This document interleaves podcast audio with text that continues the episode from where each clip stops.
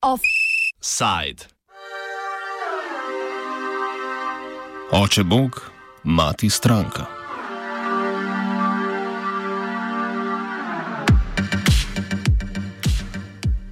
Koronavirus preizkuša našo vero in zaupanje.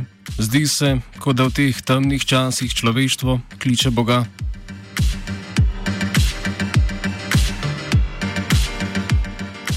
S temi besedami je državljankam in državljanom voščil predsednik vlade Janez Janša ob veliki noči, prazniku veselja in upanja, kot ga je sam poimenoval. Med prazniki pa je Slovenska demokratska stranka upanje in veselje mimoidočim začela deliti tudi z novimi jumbo panoji. Medtem ko naj bi država z vseh strani zbirala denarna sredstva za pomoč državljanom, se je stranka SDS odločila, da bo krizno situacijo dodatno izkoristila za nekaj, na videz ne ravno ugodne politične reklame. Po vsej Sloveniji so se tako v minulih dneh pojavili modro-rumeni plakati, s katerimi se stranka v slogu reklame za čokoladice Merci med drugim zahvaljuje zdravstvenim delavcem, vojski, policistom in gasilcem. Z drugimi plakati nas pozivajo, naj bomo odgovorni do sebe in drugih, naj uporabljamo zaščitne maske in seveda naj ostanemo doma.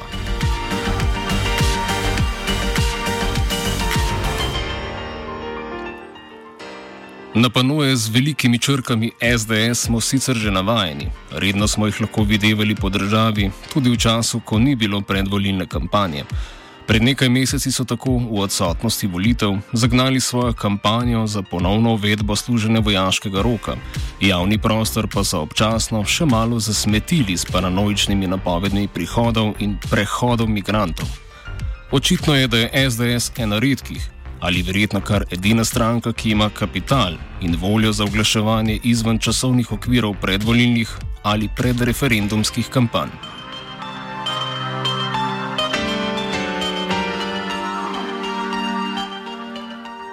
Tokrat je situacija nekoliko drugačna, glede na to, da je SDS največja koalicijska stranka. Zdi se namreč, da s temi panoji SDS državljanov ne nagovarja zgolj v svojem imenu, ampak tudi v imenu države.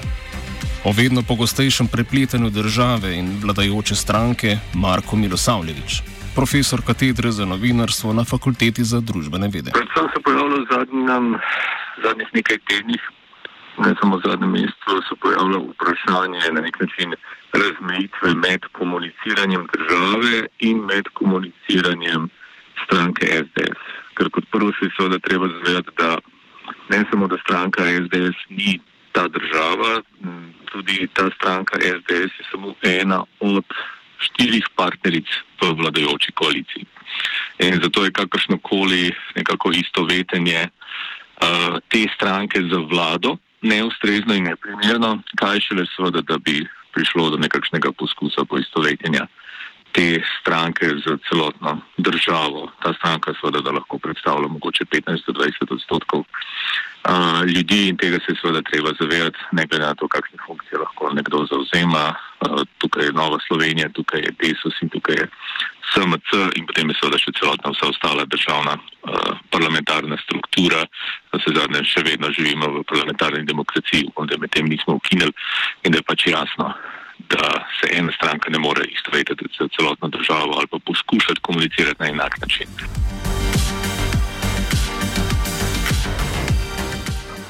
Milosavljevič izpostavi dodaten primer, pri katerem je to brisanje meja prišlo do izraza. Takšnih primerov je bil, ko je najprej stranka SDS um, komunicirala nekatere stvari, nekatere tudi uh, z vizualno opremo, z določenimi grafikoni, um, um, z nekaterimi podatki in uh, je takoj zatem identične grafikone, ne samo grafikone, ampak tudi identično grafično podobo uporabljal urad eh, vlade za komuniciranje oziroma sama vlada. Eh, kasneje so na to, to grafično podobo spremenili oziroma uporabljali neke druge vizualne elemente, šlo je tudi za popolnoma identičen tekst, ki ga je sicer uporabljala najprej stranka SDS. Skratka, že tam so se pojavljale to vrste zapleti. Potem so se pojavljali širši zapleti, kot je bil recimo komuniciranje prek Twitter računa urgentnega štaba za reševanje situacije ob izbruhu virusa. Če se spomnite pred tedni, takrat je nekdo, ki je upravljal ta račun, sicer na nek način očitno sledil ideji ali ideologiji, predvsem stranke SDS, ko je uh, kritiziral ali pljuval nekatere, recimo temu, levičarske posameznike. Potem, kasneje, pa je prišla neka izjava, da je šlo za udor v Twitter račun. Če celo predstavnik za izjave vlade uh, Jelko Kacin je v svoji izjavi bil na nek način zelo zgovoren, ko je rekel, da je prišlo do domnevnega udora. Mislim, da je s tem med vrsticami ali pa spodnapisi zelo jasno pokazal, da pravzaprav v to zgodbo ne verjame.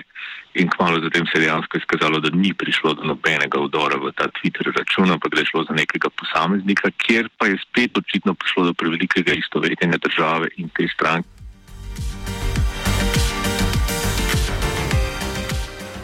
Delovanje političnih strank v času volilne kampanje ureja zakon o volilni in referendumski kampanji, vendar omejitve v tem zakonu veljajo le za čas kampanje, sicer pa ne, če ni posebej drugače določeno.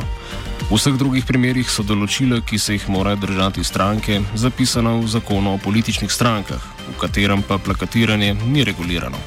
To vrstne reklame se večinoma pojavljajo med volilnimi kampanjami in takrat je nadzor nad financiranjem in nasploh nad podstopanjem strank večji.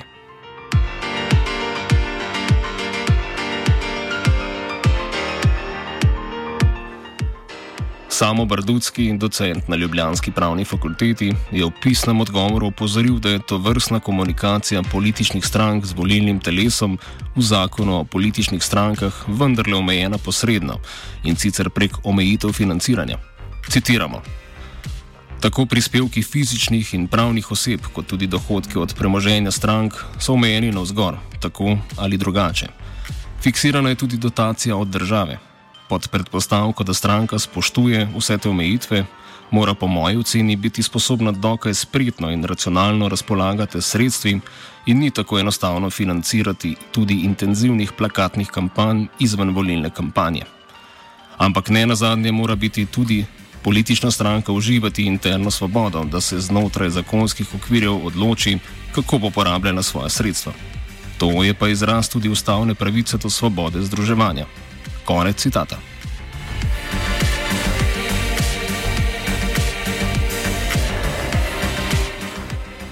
Reguliranje tega področja je problematično predvsem zaradi ustavne pravice do svobode izražanja.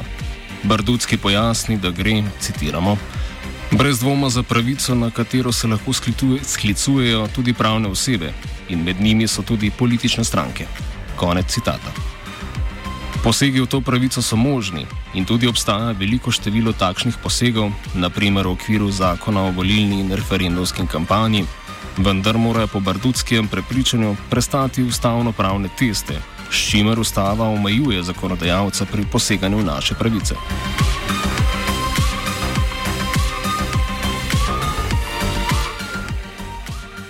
Na nezadostno urejeno zakonodajo, s katero bi se lahko zagotovila večja transparentnost delovanja strank, je večkrat že upozarjala nevladna organizacija Transparency International Slovenija.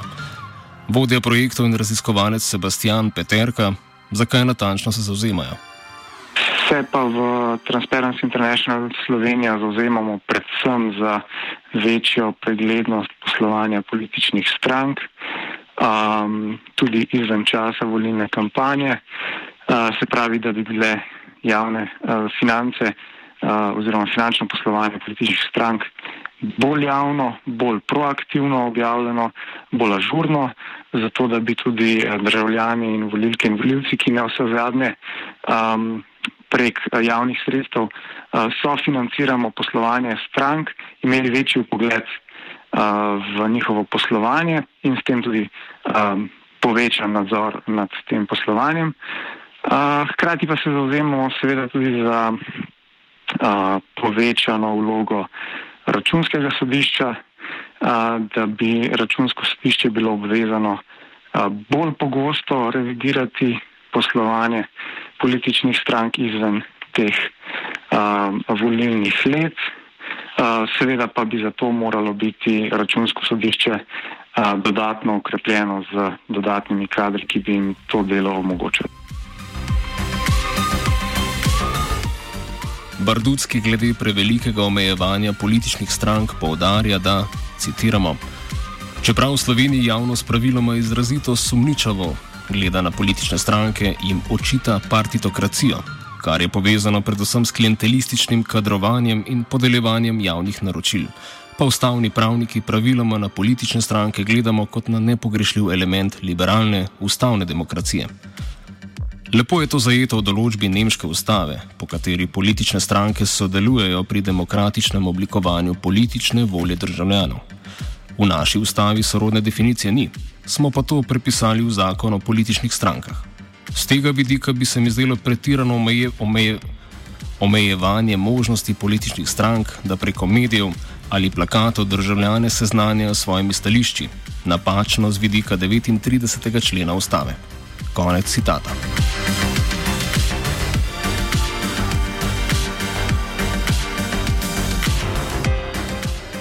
Vsekakor med strankami prihaja do velikih razlik, kar se tiče finančne moči.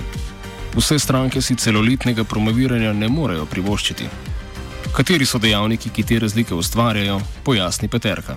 Je pa to posledica tudi uh, na eni strani volilnega izida, ne, ker del financiranja je vezan na, na volilni izid, po drugi strani pa uh, tudi na um, uspešnost stranke uh, pri, pri članih, če tako rečem, ker um, seveda drug, drugi največji prihodek političnih strank je pa navadno uh, članstvo. Ampak tudi tukaj je težko govoriti o nekih možnostih a, dodatnega omejevanja, ker enostavno do nekih razlik bo tukaj vedno prihajalo. A, ravno a, javna sredstva so tukaj nek korektiv in tukaj je neka formula, ki delno veže izplačila iz proračuna na volilni rezultat, delno pa enako za vse stranke, ki so dosegle nek določen a, prak.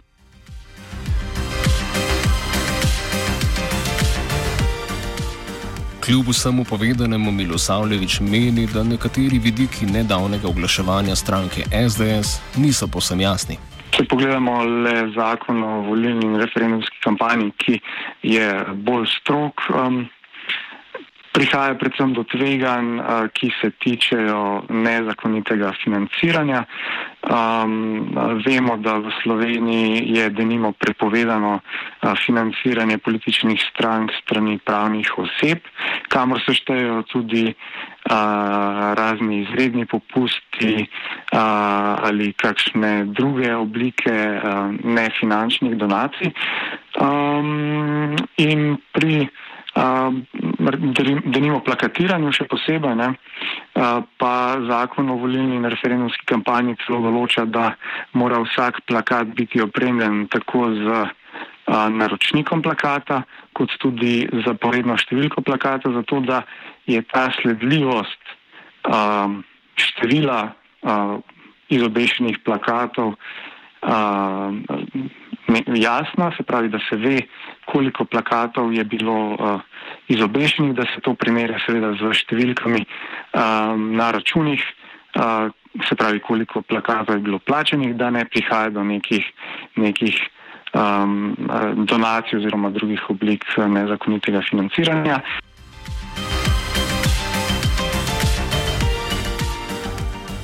V pristopu, ki so ga obrali pri SDS, Milosavljevič prepozna znan oglaševalski pristop, pri čemer gre v podobah zdravnikov, gasilcev in drugih, ki odločilno pomagajo, predvsem za apeliranje na čustva ljudi. To lepljenje na to, na, na medicinske sestre in zdravnike in k tem nekim pozitivnim občutkom ob tem, je seveda znan oglaševalski pristop, tako imenovani transfer čustev ob neki pozitivni stvari, ob nekih pozitivnih likih uh, poskušaš ta pozitivna čustva prenesti na svojo blagovno znamko, v tem primeru so da pozitivna čustva ljudi do zdravnikov, sester, policistov, gasilcev, prenesti tudi pravzaprav do same te stranke. Niti, kar je zanimivo, niti ne do cele vlade. Um, ampak po drugi strani je informacija o tem, da si vlada najprej poviša sebi plače, pa se potem kasneje zaradi javnega protesta zniža in informacije o tem, da recimo medicinske sestre ali zdravniki v zadnjem času niso dobili prav nič kaj bistveno večjih plač ali pa sploh ne višjih plač, da pogoji niso ustrezni, da so v resnici zelo slabi marsikje in tako naprej. Mislim, da so to tiste informacije, ki so nam verjetno za ljudi bolj relevantne.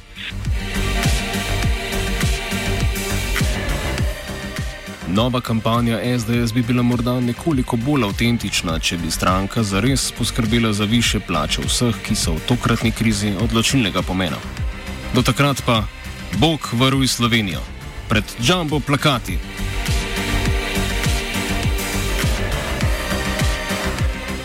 Offside je pripravila Aida. Oh. Oh. Oh. Oh.